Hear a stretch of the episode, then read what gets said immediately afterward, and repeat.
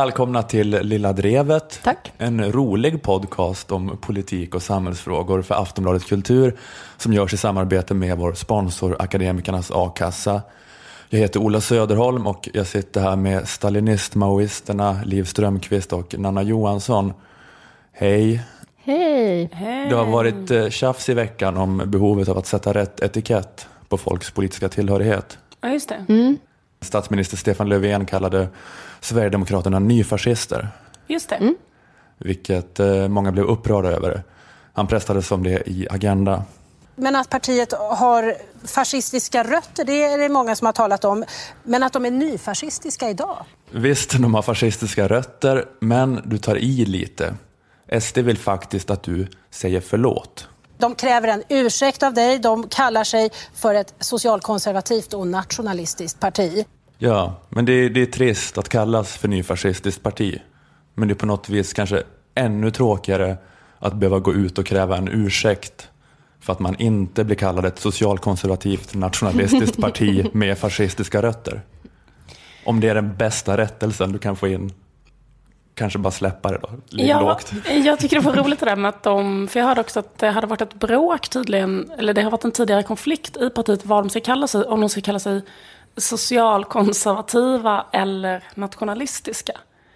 Eh, och då verkar det ju nu som att de har valt vägen nationalkonservativ och socialistisk. Men jag tycker bara det, det är liksom ett dåligt namnval på det sättet att om man ska förkorta det sig lite snabbt så låter det eh, eh, som att man säger att de är ett socialnationalistiskt parti. Just det. Att Ja, jag det- tänker att det alltså man ska kanske inte ha både ordet social och nationalist i sina... Ja, det är dåliga historiska konnotationer av att ha national och socialist så nära varandra. Känner det? Ja. Försök separera de orden mer. ja, jag vet inte, jag, men jag bara tänkte på det, det är ändå ett lite fascinerande politiskt landskap ändå vi har nu. Att där en politisk journalist på SVT pressar statsministern genom att säga Hallå, borde du inte sluta demonisera det här partiet och istället kalla det socialkonservativt nationalistiskt parti med fascistiska rötter? Varför demonisera så här? Säg istället det absolut mest diplomatiska man kan säga om den här grupperingen. Att de är socialkonservativa nationalister med fascistiska rötter. Jo, eh, det har varit en eh, rätt arg debatt om det här. Inte om ni har följt den. Men lite. Jag orkade läsa några sådana artiklar. Mm. Om det är rimligt att kalla SD nyfascister. Och vad innebär egentligen begreppet fascism? Eh, Dick Harrison, känd från tidigare avsnitt av Lilla Drevet. Just det. Histori- För sitt O'boy-drickande. Ja, historiker som är tokig i varm O'boy eh, och känd från På spåret och så vidare. Han är emot att använda begreppet fascism. Överhuvudtaget. Ja, nästan verkar det som, men definitivt om SD. Eh, Han uttalade sig i tidningen Forskning och framsteg och sa eh, citat den dagen SD börjar beteckna sig som revolutionära manschauvinister, yrkar på korporativism, kräver att alla partier utom det egna ska avskaffas, går till angrepp mot alla som tolkas som svaga, vill återupprätta ett rasbiologiskt institut, uttrycker en önskan att återställa Sveriges gränser till vad som gällde före freden i Nystad 1721 och genomför en militant marsch mot Stockholm med idel partimedlemmar i folkdräkt i syfte att gripa makten. Den dagen är de att betrakta som fascister. Slutcitat. Men det är alltså den dagen. Men vad konstigt att, att det liksom bara skulle vara handlingar och inte alls ideologi. Ja, ja man kan ha många invändningar mot det här. Men jag, jag, jag tänker också lite... Alltså, jag tänker inte öppna munnen om dem förrän det händer. Nej. Då kommer jag att höja ett pekfinger och säga så här, app, app, app. Då är jag den första Jag tänker, ja, men, att säga ifrån. Exakt. Så jag, ja, jag tänker liksom att oavsett vad man anser om just SD så låter det som en liten märklig princip. Att man ska vänta till den dagen med att kalla fascister fascister. Jag är ju inte historiker, ingen av oss är det, det är Dick Harrison som är det. Men eh, är det ändå inte så att historien lite grann har antytt det för oss? Att man ska försöka ropa varg lite, lite innan fascisterna infört militärdiktatur och börjat förfölja svaga. Det var väl inte så, så här att åh, Hitler borde ha stoppats på ett tidigt stadium. När han var diktator och bedrev världskrig och mördade icke-vita, redan då borde varningsklockorna ha ringt. Vi borde ha anat vart det här barkade. Men är det att han, eh, för vi vet ju att han gillar mys, eh, eftersom han dricker så mycket varm choklad och så. Är det att han bara inte vill liksom, eh, skapa dålig stämning Ja, genom att så här, kalla någon för något hårt? ja, det kanske gör honom mysigare, men även om det gör honom till en bättre historiker. Nej. Ja, men för det har väl lite sådär till att partier med antidemokratiska böjelser som verkar i demokratiska system, att de inte inleder sina banor med att redovisa alla sina avsikter. Alltså det här partiet eh, Fidesz som styr i Ungern har ju funnits i 25 år typ. Och de sa ju så här innan att vi är vanliga liberalkonservativa moderater. Men nu när de har makten håller de på och bygger om lagstiftningen. Så här då, lite försiktigt, steg för steg. Så här, nej, vi har fortfarande yttrandefrihet. Vi har bara lagt in en liten, liten klausul om att det är förbjudet att kränka ungerska nationen. Eh, och så vidare.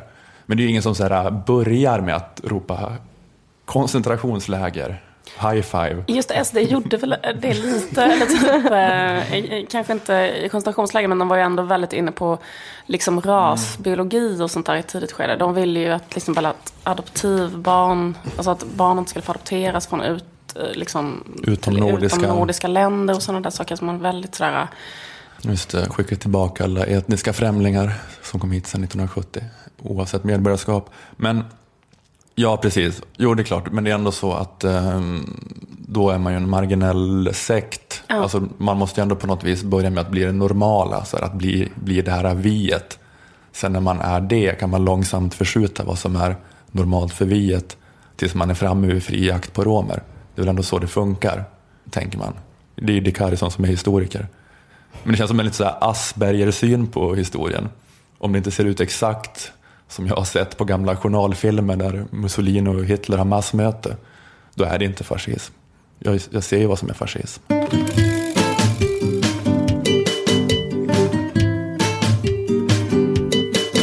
Har ni sett att eh, vett och etikettexperten Magdalena Ribbing gjort en eh, liten film inför årets Nobelfest? nej. Nej. Vad bra, för jag ska, eh, jag ska presentera den för er. Eh, man kan hitta den på dn.se och den börjar så här. Välkomna till Ribbings etikettskola.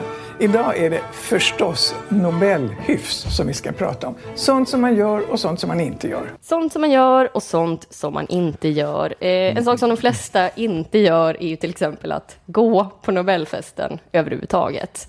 Chansen att den genomsnittliga DN-läsaren blir bjuden på Nobelfest är lika stor som chansen att Kringlan får ett uppslag i Sköna Hem. Eh, så den här filmen riktar sig inte egentligen till folk som ska gå på festen utan appellerar till den ängslighet som många av DNs kärnprenumeranter lider av. Lite generaliserande så kan man säga att vänsterdelen av medelklassen eh, är ängsliga för att råka säga rullstolsbunden istället för rullstolsburen, medan högermedelklassen, som jag räknar DN Fandom till, eh, de oroar sig för att till exempel ha fel färg på skorna på ett bröllop. Det absolut pinsamma som de kan tänka sig är att inte kunna föra sig korrekt bland högre klasser. Att göra bort sig inför någon som kallas Poppe. Ja. Eh, hemska tankar.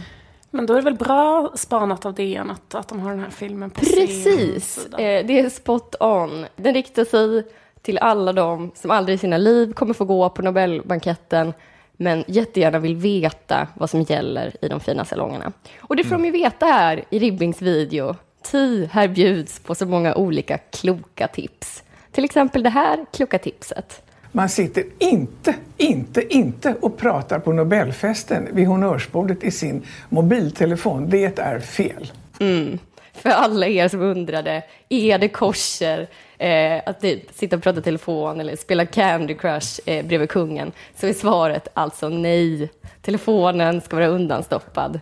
Tur att Ribbing han säger det, så att man ja. inte gör det misstaget. Jag är måttligt imponerad av hennes eh, expertis Ja. än så länge. Men till hennes försvar så eh, pratar hon om det här apropå att eh, Göran Persson satt och pratade i mobiltelefonen vid honnörsbordet.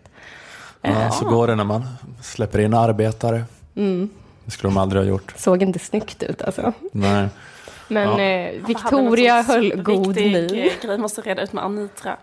Men det här är i alla fall ingenting som jag, eh, om jag är då en sån eh, ängslig högermedelklassperson som vill skruva upp terrorbalansen nästa gång jag har en parmiddag då med några vänner eller någonting. Så det här hjälper ju inte mig, det här visste jag ju redan. Att man inte ska pratar vi mobiltelefon. Jag behöver något nytt, lite mera liksom Ja, ängsligt men tips. det, det kommer du få, för vi kan gå över till ett annat av Magdalena Ribbings Nobeltips.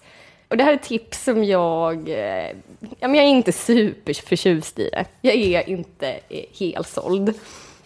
Det är när Ribbing kommenterar eh, hur den gamla moderatpolitikern Birgit Friggebo klädde sig på en Nobelfest. Eh, rubriken på det här tipset är Birgit Friggebo 1992. Hur urringad får man vara? Och kritiken här är alltså att Friggebos cleavage på Nobelfesten 92 var lite väl eh, generös. Eh, det här är alltså något som eh, enligt Ribbing inte riktigt passar sig.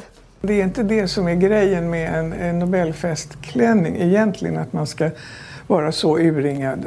En Nobelfestklänning ska inte visa för mycket hud. Eh, inte för att Ribbing tycker att det är något fel på Birgit Friggebos behag. Inte för att det är något fel på Birgit Friggebos behag. Men det passar sig inte att visa upp så mycket Friggebo, eh, enligt Ribbing. Så vad kunde den gamla moderatpolitikern ha gjort då för att undvika etikettexpertens sylvassa kritik? Hon kunde ha valt en annan typ av klänning och det hade hon, då hade hon sluppit en massa kommentarer framför allt. Just det. Om Birgit Friggebo inte klädde sig så jävla horigt eh, så skulle hon få vara i fred. Nobelfesten, Nobelfesten är ju trots allt inte ett diskotek. Eller det är inte ett diskotek. Eh, Magdalena Ribbing avslutar hela den här urringningsranten med de bevingade orden. Man brukar säga hälften kunde vara nog och det skulle ju passa i det här sammanhanget. 50 procent mindre Friggebo-hud eh, hade varit välkomnat. Jag bara, har bara ett bröst när du går på Nobelfesten. Ja, precis. Men- eh, visa ett och det andra helt eh, täckt. Exakt. Jag känner att det är en stor kollision mellan eh, ängslig eh, kultur höger medelklass och kultur vänster här. det går inte att Mm, vara verkligen. båda här Nej. i förhållande till Friggebos behag. Men jag tycker att det är lite... eh, Var det inte så att prinsessan Madeleine gjorde citat skandal någon gång på Nobelfesten med en ganska stor urringning? Är inte det bara för att det är en bra vinkel på en kvällstidningsartikel? Så den har väl kunnat appliceras på lite olika kvinnor genom åren. Det är så här, vinkeln finns, det är bara att fylla i Nej, men jag, eh, olika kvinnors namn. Det finns en sån, eh, skandalklänningar. det, finns, det finns en sån artikel med sån punkt som är så här, punkt, punkt, punkt. Ha, ursäkta, punkt, punkt, punkt. Vad? Hälften har varit nog. mm. Skandalen kring punkt, punkt, punkt. Skandalcleavage. Birgit Friggebo tar av sig kappan. Du kan inte ana vad som hände sen. Det är en klick. Men eh, En klick Ja, men precis som du var inne på så får ju det här en som eh, vänstermedelklass att vilja hålla en liten etikettkurs med Magdalena Ribbing. Eh, och där det enda tipset är då eh, att man ska undvika att lägga sig i vad andra kvinnor har för kläder på sig och eh, hur mycket av sin egen hud de väljer att visa i, det här, i de här kläderna. Och också kanske att sky- skylla sexuella trakasserier på offret. Ja, Det är så här, många kommenterade hennes bröst. det hade ju kanske de inte hade gjort. Hon- inte hade haft så jävla horiga kläder på sig. De kommenterar ju fortfarande 20 år senare, uppenbarligen. Ja, Och Ribbing kommenterar ju också hennes bröst här. Så det är alltså inget fel att kommentera folks bröst. Nej. Det är bara nej, fel. men jag menar att det är bara Ribbing som gör det 20 år senare. Men min, jag tänker också att Madeleine tänker jag ändå är det kändaste exemplet på det här från Nobelfesten. Och jag tror att Ribbing eh, hon för- skulle inte gå på henne. Nej, precis. Att det här är bara, att det är ryggradslöshet på det viset också. Att hon inte vill stöta sig med hovet. Att hon liksom fjäskar för dem. Så för så dra upp en sån halvbortglömd minister som ingen kommer ihåg. Kanske hade lite felaktig klänning för 20 år sedan. Det är fegt av Ribbing att ta det. Hon, hon safear ju här i sin Mm. Ja, alla exempel på, på taktlöshet var ofrälse. Ja, precis. Jag kommer inte ihåg, jag får inte en, nej men precis, jag får inte en klar bild av så här, vad är det här för bröstchock. Eh, jag, jag kommer ihåg att det var typ en... Det var inte en alls så farligt, det var en bild på den. konstig klänning, det var inte det? Att hon hade en jävligt så här... Nej, enligt, enligt Ribbing så är det en klänning som är avsedd för att stå i. Eh, men sätter man sig ner så blir den lite väl avslöjande. Så att eh, hon borde typ ha stått vid bordet och inte, inte skämt ut sig på det här sättet. Visat vilken dålig kvinna hon är. problemet när man väljer en klänning som är avsedd att stå i. Det blev sån urringning när hon satte sig ner så att Göran Persson kunde stoppa ner mobiltelefonen i, i klyftan när han hade pratat färdigt. försöker fylla Kringlands kostym. Bra. Han är inte här. Ja. Eh, det var bara ett litet, eh, ett litet tips här på slutet från eh, en eh, etikettspecialist till en annan.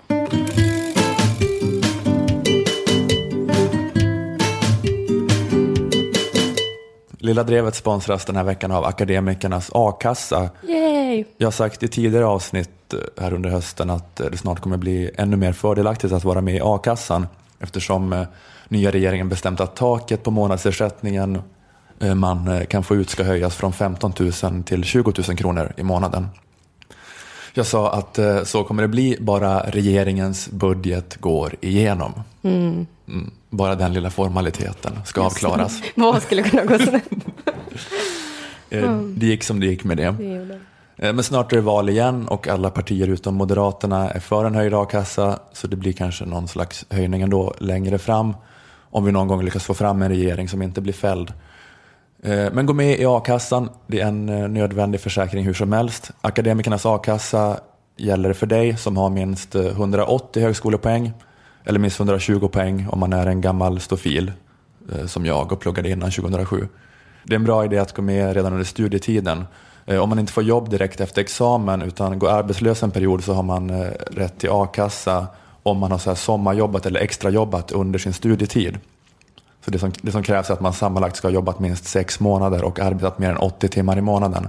Så då har man ja, mycket mera cash ifall man är utan jobb efter examen ett tag. Ja, ni kan läsa mer om det här på eh, akademikernas.se eh, och om hur man gör för att gå med och så vidare. Har du gått med i Akademikernas eller någon annan a-kassa tack vare den här podden, berätta gärna om det på sociala medier under hashtag lilla drevet eller skriv det i er ansökan till a-kassan.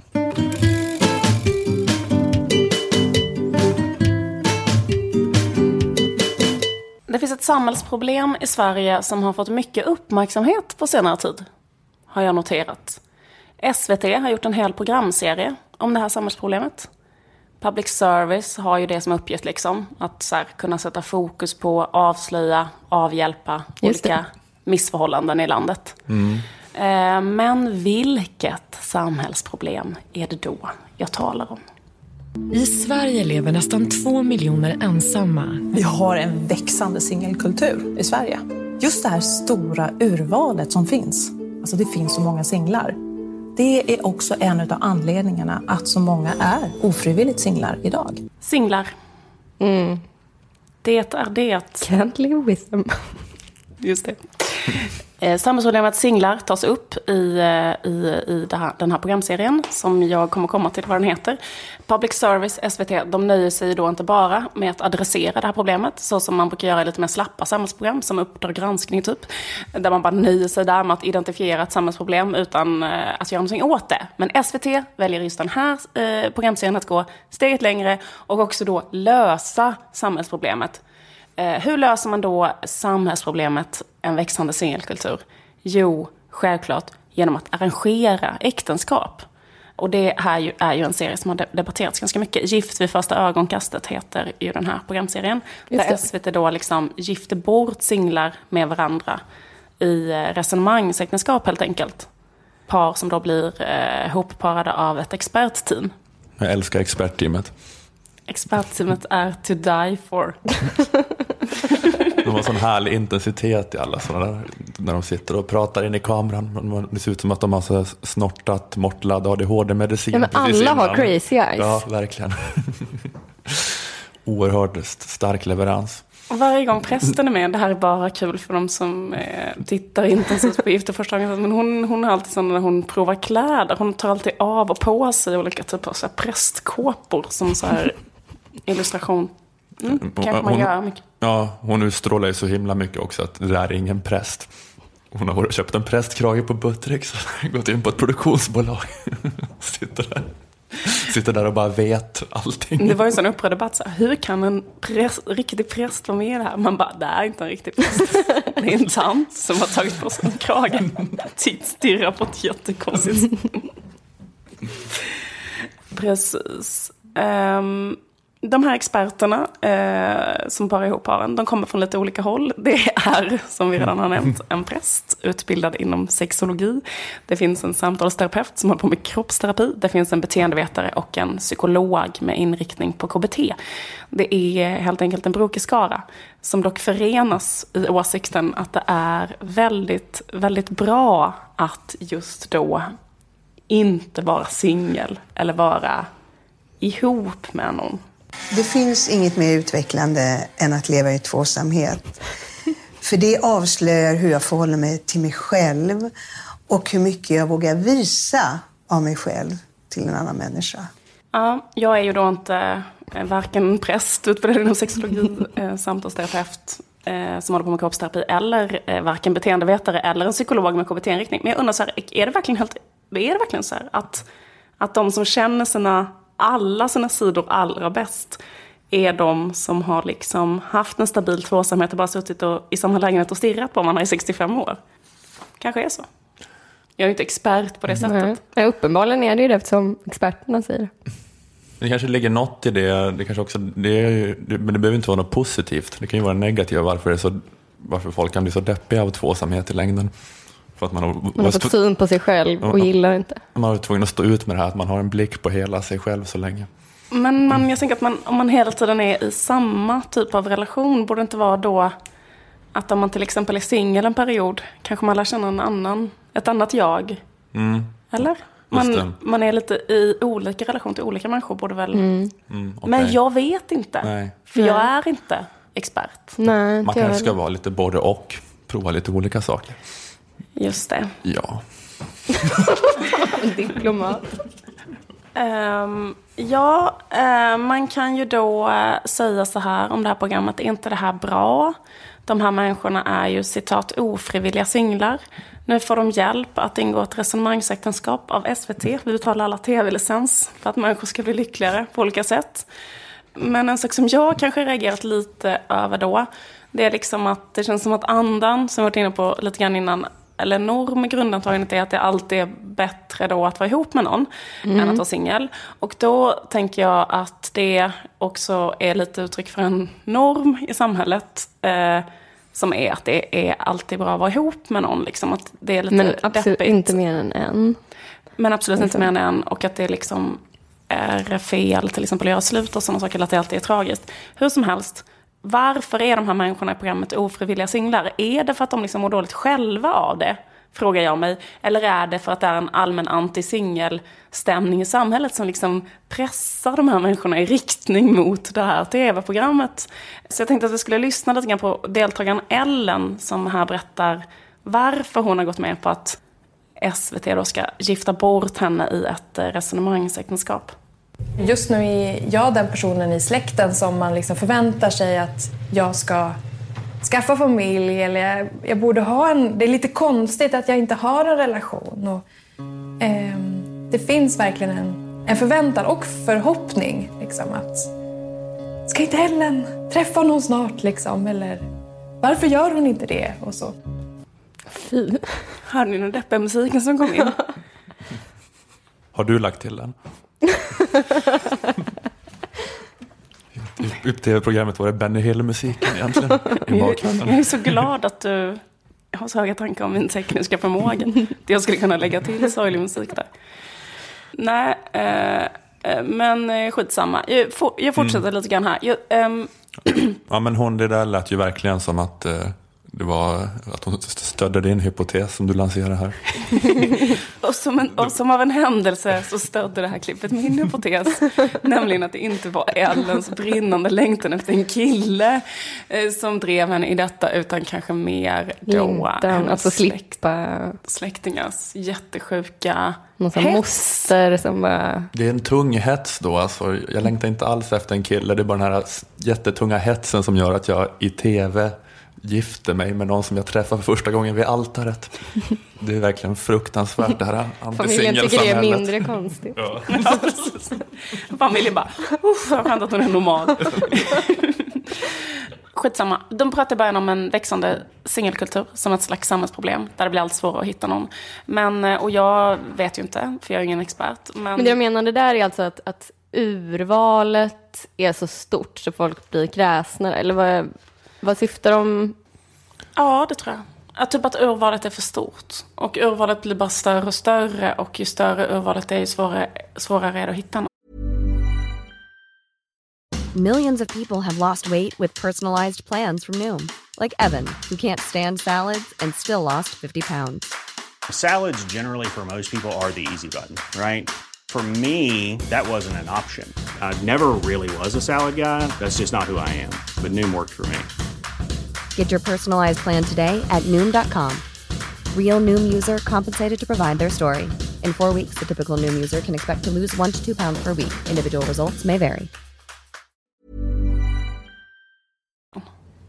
Men är det inte lite som med nätdejtande och hela Tinder-grejen och så?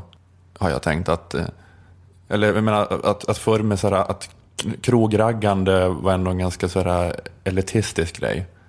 Det var ganska få som hade en så här härlig marknad på det. Att det krävde någon slags så här kombination utav utseende och karisma och Det har jag självförtroende. aldrig tänkt på. Men det kanske är... Nej men för att jag, menar, jag tänker att nätdejtande, det känns som att man vet om folk som har varit sådana panelhönor som av nätdejtande blir värsta playersarna och håller på och jonglerar fem olika ja, plötsligt. Är, ja, men det är väl kanske för att det är ett så här mycket ett verktyg för folk som gillar att vara singlar eh, men typ vill ligga.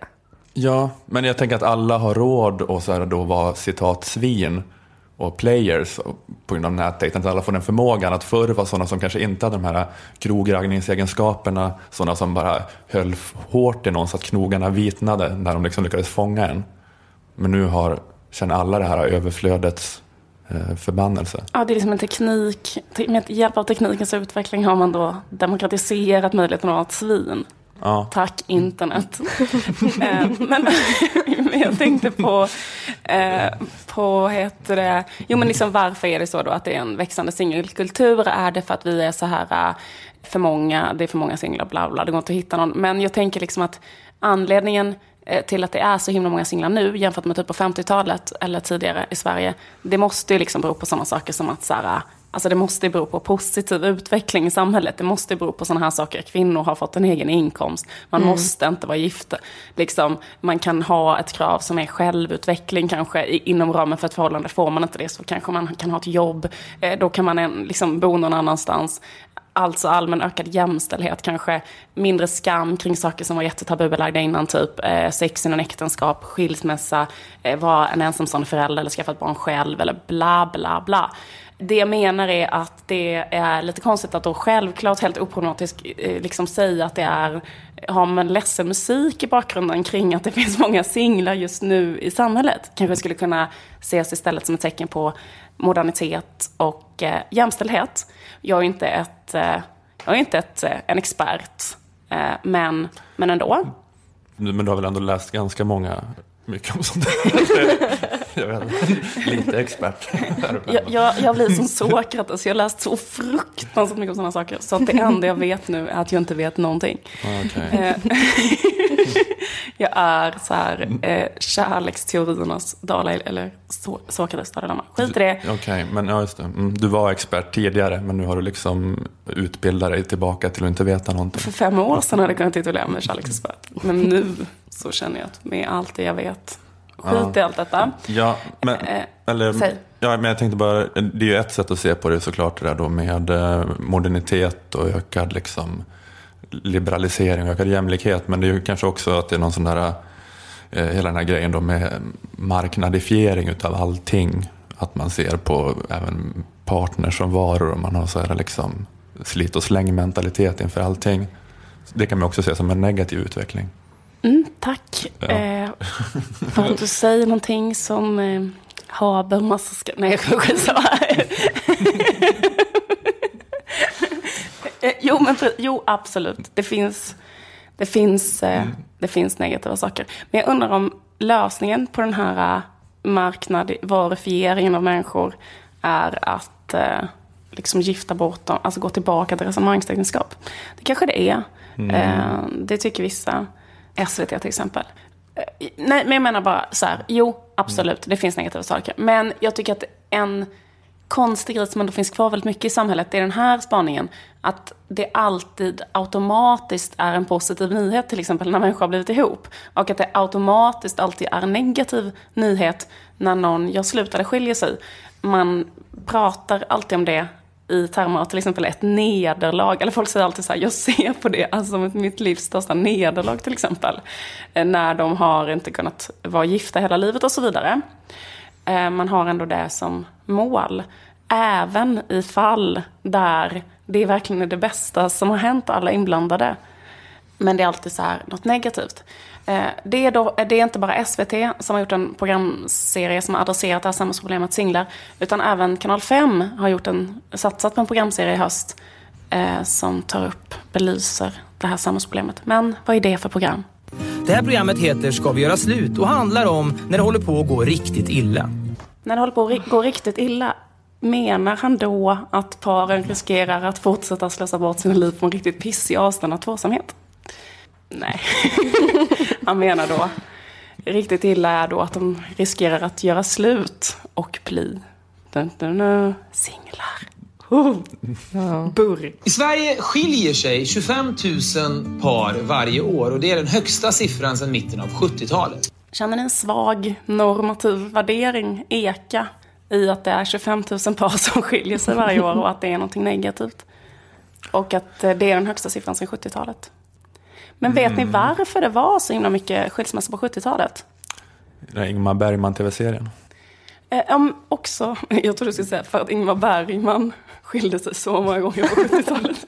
så att du gjorde avtryck i statistiken. Om Han, inte- lä- han lämnade så jävla många fruar. Om inte Ingmar Bergman hade övermannats av passion så många gånger under 70-talet. Det hade varit noll skilsmässor. Ja, men det Nu handlade... är det så att jag blir förälskad. Jag älskar inte dig längre, Harriet. Jag känner ingenting. Bibi. Jag tänker inte kokettera men jag har dåligt samvete. Nej men det var att man ändrade lagen. Att det innan har varit väldigt, väldigt svårt att skilja sig. Så som det också är ibland i vissa länder. Som man kanske inte riktigt ser som förebilder i andra sammanhang. Och då blev det lite lättare. Så det att många skilde sig på 70-talet kanske inte var ett tecken på att eh, liksom folk plötsligt blev mycket olyckligare i sina äktenskap. Utan snarare att folk då kunde göra någonting åt sin situation. De började, tjejer började jobba också mycket mer. För att de avskaffade den här hemmafrubeskattningen 71. Ja men precis, det var väl bara helt enkelt att de gjorde det lite mer möjligt. Det finns Sam, ju i- Sambeskattning heter det. finns- Ja, förlåt. Mm. Tack Mm. professor. Nej, men, eh, ja men det finns ju fortfarande sådana siffror som visar så här, hur många kvinnor i LO-kollektivet som skulle skilja sig om de fick högre Alltså, lön och det- sådana saker. ja. Så att... mm, men så, Men då är kan det, det vara. det är bättre att ha ett så tv-program som får dem att kämpa vidare i den relationen. Precis.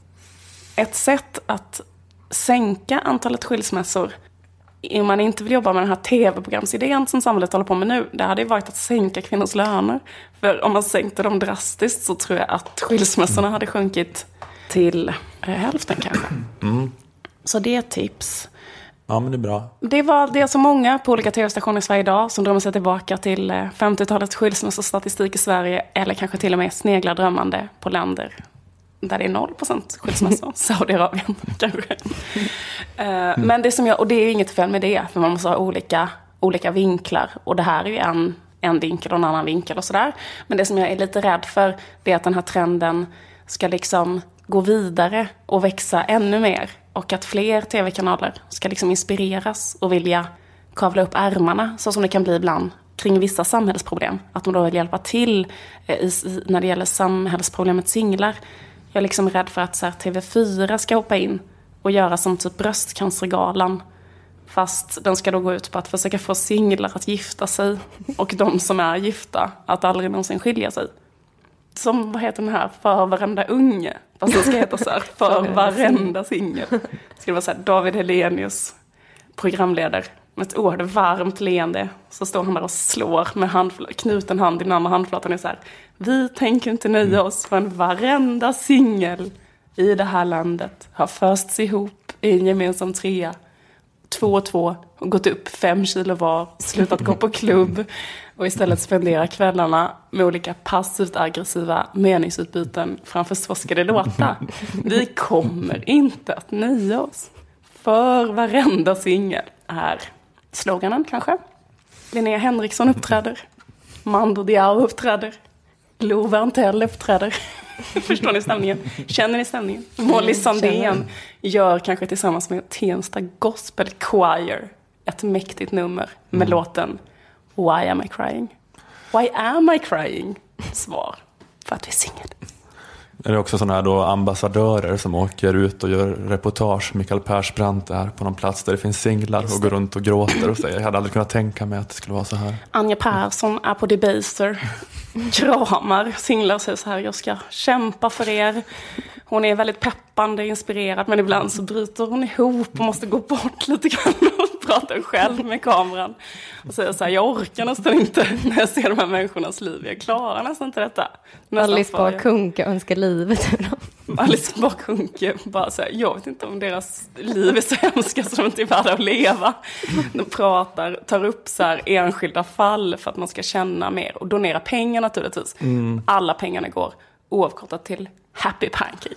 Ja, men det, är sån, liksom, det, är en, det, det är liksom en sak att höra om de här, äh, så här ensamstående socionomstudenterna på nyheterna, men att vara där på Debaser och se det med egna ögon. Bara ta upp, krama, hålla om eh, Marie 27. Kan, ja, ditt liv kan få en mening. Jag tänker inte ge upp. Jag tänker kämpa för dig. Hälsningar, Anja Persson. Hur gör man i den här galan egentligen rent praktiskt för att få dem att sluta vara singlar? Är det någon slags faddersystem eller något? Ja, men Ja, kan det inte vara att man donerar pengar till sådana dejtingsidor bara? Mm. Man vill bara... Kanske att det ska bli billigare. Folk som inte har så mycket pengar kan få gratis medlemskap på sådana Match.com. Det kanske Gratis vixlar. Just det, eller liksom bara donera till Kristdemokraternas partikassa då, ifall de ska driva på för en sån mer 50-talistisk jämställdhetspolitik. Med att få, få bort kanske kvinnor ur, ur arbete och så.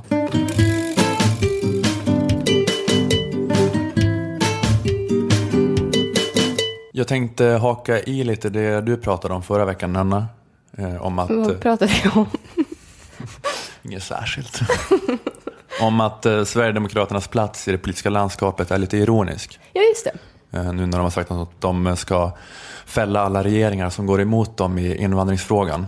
För de har nu då blivit det de är emot, en minoritet som ställer krav på majoriteten att anpassa sig. Mm. En 13 procents minoritet som kräver inflytande över hela politiken. Eller där tänkte jag på att kanske är det så att den här fällningen av budgeten är ett tecken på att de har blivit mer svenska. För att de nu förespråkar den svenska modellen med integrering snarare än sin egen filosofi assimilering. Alltså att alla övriga partier är för integration. Att olika grupper ska samverka på ett jämlikt sätt och anpassningen ska liksom ske i båda riktningarna.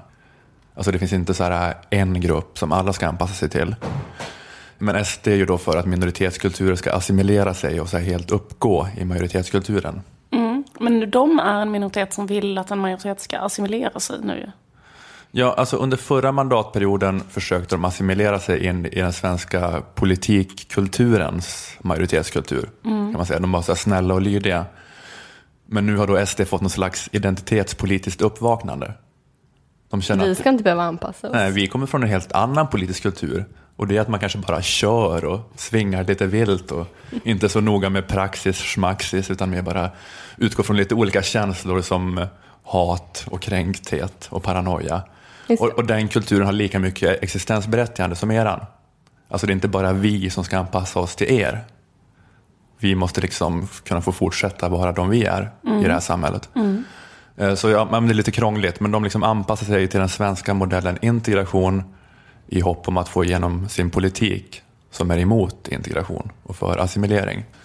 Men jag tänkte om vi lyfter blicken från människorna i riksdagen till då människorna i landet Sverige. Då finns ju samma motsägelsefullhet där för SD, liksom när det gäller invandringspolitiken. Att SD vill att invandrare ska assimileras till majoritetskulturen men det finns å andra sidan inget SD tycker är så sjukt som den svenska majoritetskulturen idag det är så genomvidrigt. Det är Europas stördaste land. Just det. Alltså det, är liksom, det är så stört det som hänt i Sverige de senaste decennierna. Så jobbigt att älska någon som gör en så besviken. Ja, eller enligt SD-retorik har vi liksom kommit dit idag nästan att muslimer blir mer islamiserade av att assimileras. Alltså där, är, att- där är svenska majoritetskulturen idag. Mm. Och det här måste vara ett problem för SD. Eller kanske så är det deras diaboliska plan för att de hatar invandrare. Alltså att beviset för att SD verkligen hatar invandrare är att de vill att invandrare ska assimileras till det de avskyr allra mest. Majoritetssvenskar. Ängsliga, självhatande PK-töntar. Alltså det, är liksom, det är det värsta sättet att plåga muslimer SD har kommit på. Så amerikanerna spärrade in oskyldiga utan rättegång på Guantanamo. Men det är ingenting mot tortyren vi har, vi har hittat på. Behöver ha en pappamånad. Vi tvingar dem att bli majoritetssvenskar, fattar ni? Vi tvingar dem att tycka att det är roligt med damfotboll.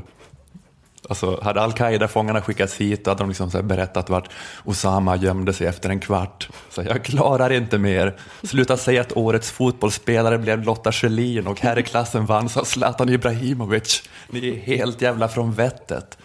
Jag berättar var han gömmer sig, bara ni slutar. Eh, ja, men det är det jag tänker, att SD tycker så illa om invandrare att de vill införa någon slags apartheid där invandrare ska vara den sämre klassens medborgare, majoritetssvenskar. De som bara går runt och ber om ursäkt för sig själva, förnekar att de överhuvudtaget finns. Så här, vad är en svenskhet? Jag tycker att vi ska avskaffa nationalismen, förutom när damerna sparkar boll. Då. Jo, men, men grejen med det här, det här är så inte bara ett, något så här skämt, eh, skämt i snack av mig. Att det svenska majoritetssamhället inte längre är något eh, som det är önskvärt att assimilera sig till ur ett SD-perspektiv. Det, alltså, det är inte jag som lägger ord i SDs mun nu, om ni tror det, utan det här är SDs egna ord. Eh, Eh, jag läste en intervju med Jimmy Åkesson från förra året i Dagens Samhälle där han sa att eh, massinvandringen eh, bara är en del av anledningen till den hotade svenska identiteten. Han säger citat det handlar också om en allmän kulturradikal utveckling sedan decennier tillbaka. Vi är världens mest självföraktande folk. Den mest typiska egenskapen är att vi förnekar vår egen existens. Det mest positiva man kan vara i dagens Sverige är osvensk. Hela den utveckling vi sett är byggd på något slags självförakt och det är ingen slump. Det är en följd av den politik som har förts. Eh, Och då ställer reportern en fråga här. Eh, Anser du att vi har åstadkommit det här på egen hand, oberoende av vilka som har kommit hit? Och då säger Jimmy, ja, jag tror att också många svenskar skulle behöva utsättas för assimileringspolitik. Slutcitat. Jaha. Så det hade liksom eh, funnits ett behov av SD, även om vi haft noll invandrare. Han har tagit en väldigt så här, mysig, puttrig Fredrik Lindström-spaning. Eh, som är det här att så här, vi tycker det är något positivt med osvensk. Mm. Och bara läst den som en autist läser den och bara suttit och skruvat, skruvat åt sin egen... Ehm, ja, ja, ja. Mm. ja, ja. Ja, precis. Ja, men det är liksom även sådana som vi, Nanna och Liv. Mm. Infödda svenskar som är släkt i rakt nedstickande led med vikingarna. Även vi måste assimileras. Det är ändå lite så konsekvent av SD tycker jag. För att de har ju liksom alltid velat trycka då väldigt mycket på att de inte är intresserade av ras, att de bara är kulturchauvinister. Att man, man ska inte kunna bli negativt särbehandlad, eh, PGA, hudfärg om man liksom har rätt kultur. Det spelar ingen roll om man är icke-vit. Men det, men det finns inte heller någon så här positiv särbehandling. Man har liksom inget för eller en vit hudfärg om man har fel kultur. Men som sagt, eh, invandrare måste assimileras och majoritetssvenskar måste också göra det. De flesta i Sverige måste assimileras till en minoritet. Men vilken? Hur ska vi veta vilka vi ska assimileras till? Alltså vi kanske ska assimilera oss till SD-are, men kan vi ens lita på dem? Att de är en bra modell? Alltså för Jimmy säger också För här- ursvenskheten eller för vad? Ja. Ja, precis. Jimmy säger också i den här intervjun att eh, socialkonservatism genomsyrade alla partier fram till 1968. Mhm. Sen har liberaler och marxister i en ohelig allians genomfört den här då normlösheten och nationella upplösningen. Och alla SD är ju så himla unga. Mm. Så de är liksom uppväxta mitt i det här förfallet. Alltså de har den här då innan 68-svenskheten som ideal. De är liksom maskrosbarn i eh, efter 68. Ja, men jag tänker att de kan ju inte, i och med att de är uppväxta i det här, liksom, det här kulturradikala moraset, så då måste de ändå vara färgade av det. Alltså det är inte som att de har den där innan 68-svenskheten som att det bara är en förlängning av deras kroppar. Alltså det är ju mer något de lajvar. De är någon så här liksom medelklass som klär ut sig till getto hiphop-stil. De approprierar någon sån svenskhet. Ja, men jag vet inte, så vilka, är, vilka ska vara modellen? Vilken grupp ska vi assimilera oss till? För att liksom komma bort från både islamisering och kulturradikalism. Jag, vet, jag hoppas att du själv har tänkt på något, hittat på något. Nej, jag vet inte. Det jag kom på var serberna.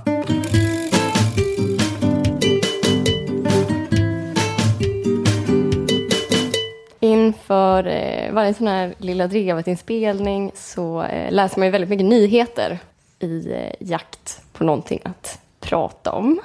Eh, så var det även denna gång. Eh, I min jakt på bra artiklar om politik eh, så hittade jag, jag hittade inte två bra artiklar om politik, jag hittade två väldigt, väldigt pajiga artiklar om politik. Eh, och gemensamt för de här två artiklarna var att jag hittade dem på sidan Nyheter 24. Du gick in på Nyheter 24, förväntade dig att hitta en jättebra artikel om politik? Nej, men jag, gick, jag tror jag hittade dem via, eh, vad heter den sidan? Sociala nyheter eller så. Där man får, eh, där man ser vad folk snackar om. Det är så ranking av de mest klickade Precis. artiklarna. Eh, precis. Jag menar att säga att Nyheter 24-artiklar i paja är ju att sparka in en väldigt, väldigt öppen dörr.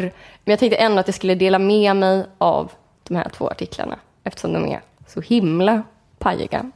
Den första artikeln heter Sju saker du inte visste om Nya Moderaternas Anna Kinberg Batra.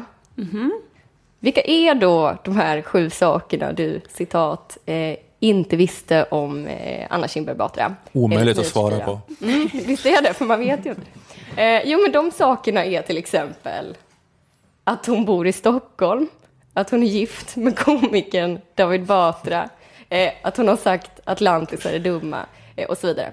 Så Det är, de, det är de enda tre, det du sa nu är de enda tre sakerna jag vet om henne. Ja, det är det. det borde, artikeln borde heta Sju saker det är jättesannolikt att du redan vet om Anna Kinberg Batra om du är det minsta intresserad av politik. Om du typ vet vem Anna Kinberg Batra är så vet du nog det här. Vet ni vad sista, punkt nummer sju på listan är? Nej. Idag, den 9 december, har Anna Kinberg Batra namnsdag. Slut på artikeln. Nej. Skandal. Eh, den andra eh, Nyheter 24-texten som jag reagerade på heter eh, Öppet brev till dig som tänker rösta på SD i extravalet. Har ni sett den? Den har blivit Nej. väldigt delad. Okej. Eh, den har delats eh, ungefär 40 000 gånger. Eh, och det är passande, för det är också den 40 000 gången som en text drar eh, paralleller mellan SD och Nazityskland. Eh, och jag säger absolut inte att det är oriktigt att dra de här parallellerna, men om man ska göra det för 40 000 gången så tycker jag man kan liksom lägga till någonting nytt eller någonting eget. Det gör inte riktigt den här texten. Till och med argumentationsfelen är så gjorda att de har egna Wikipedia-sidor. Eh, till exempel Guilt by Association, som vi får se prov på några gånger i texten. Eh, som när författaren skriver. Åkesson är karismatisk. Kommer du ihåg vem mer som var det i dina historieböcker? Mm. Ja, det är... Vad, vad har, den- hur har den delats 40 000 gånger då? Eh, Har, har den så här håndelats av Sverigedemokrater? Kanske, ja, det skulle kunna vara det i och för sig. Ja. Eh, nej, men jag vill egentligen inte pissa på paraden här. Det är såklart bra att engagera sig mot Sverigedemokraterna. Det tycker jag att alla ska göra, utom möjligtvis Nyheter 24. För deras unique selling point är ju inte vassa, relevanta politiska analyser, utan snarare kanske eh, en artikelserie om den så kallade Barbie-kvinnan. Det är sånt de är bra på. Där är de ju bäst. Så jag tycker de ska ta av sig, ja, men jag är det. Eh, Jag tycker de ska ta av sig sina smartglasögon som de har köpt på typ Buttricks eh, och sluta leka riktiga journalister. De borde bara publicera artiklar som eh, Gulligaste hamstern, fastnar i en gummistövel och så vidare. Om de nu ändå ska ligga på Gulliga hamsternivån så är det bättre att skriva om gulliga hamstrar och inte Anna Kinberg Batra.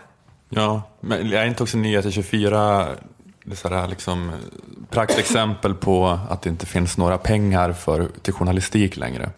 Jag har inte hört att alla som säger erbjuds skriva en krönika för Nyheter 24, du får fakturera 25 kronor. Eller jag tänker att man när det är något sånt där, du ska sju saker du inte vet om Anna Kinberg Batra, det är ju någon grej som kräver research då. Men det är en person som måste skriva det där och ha fyra minuter på sig att skriva det om det inte ska bli orimlig timlön. Ja, men det är det jag tycker de bara ska, bara ska embracea att de är en sån klicksida och bara ha så här sju saker du inte vill hitta i din killes, eh, jag vet inte. Byrålåda. Mm. Kalsonger. Just det. Artiklar om sådana där barn som åldras jättesnabbt. Ja. Har den superovanliga sjukdom. Är det ett exempel på något man inte vill hitta i sin killes byrålåda? Artiklar om barn som åldras jättesnabbt. Så, så som det spermafläckar över.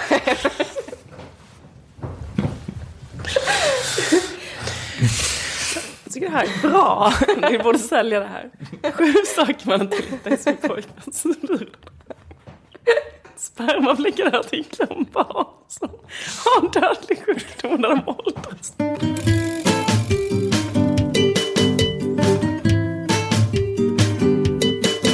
Nej, vi ska väl avsluta det här nu. Jo, jag skulle, jag skulle kunna säga en sak. Det är att jag kommer köra stand-up i Stockholm 19 och 20 december. Eh, på Mafia Comedy Super Weekend på Underbara Bar. Man kan köpa biljetter på Tecknet tror jag. Söka på Mafia Comedy Super Weekend. Så, det var den reklamen. Jag kan göra reklam för en grej, för jag kommer faktiskt, jag har ju gett ut en bok för länge sedan, men äntligen så ska jag ha en slags releasefest och det är den 19 december nästa fredag på eh, Tangopalatset i Malmö. Det är gratis inte, man kan komma dit och köpa en bok, få den signerad och en annan väldigt bra serietecknare, Sara Hansson, har en eh, fräschare och nyare bok som heter Torskarnas Pride-parad, som man kan köpa där. Mm. Bra julklappsidé. Då har vi evenemang både för Malmö och Stockholm. Ja, men tack så mycket Nanna och Liv. Kul att eh, ni var med. Tack ska du ha. Det här är en podd som görs för Aftonbladet Kultur och i samarbete med vår sponsor Akademikernas A-kassa. Vi hörs om en vecka. Då fortsätter vi att bevaka den eviga valrörelsen. Valåret som aldrig sa nej. Hej då. Hej då. Hej då.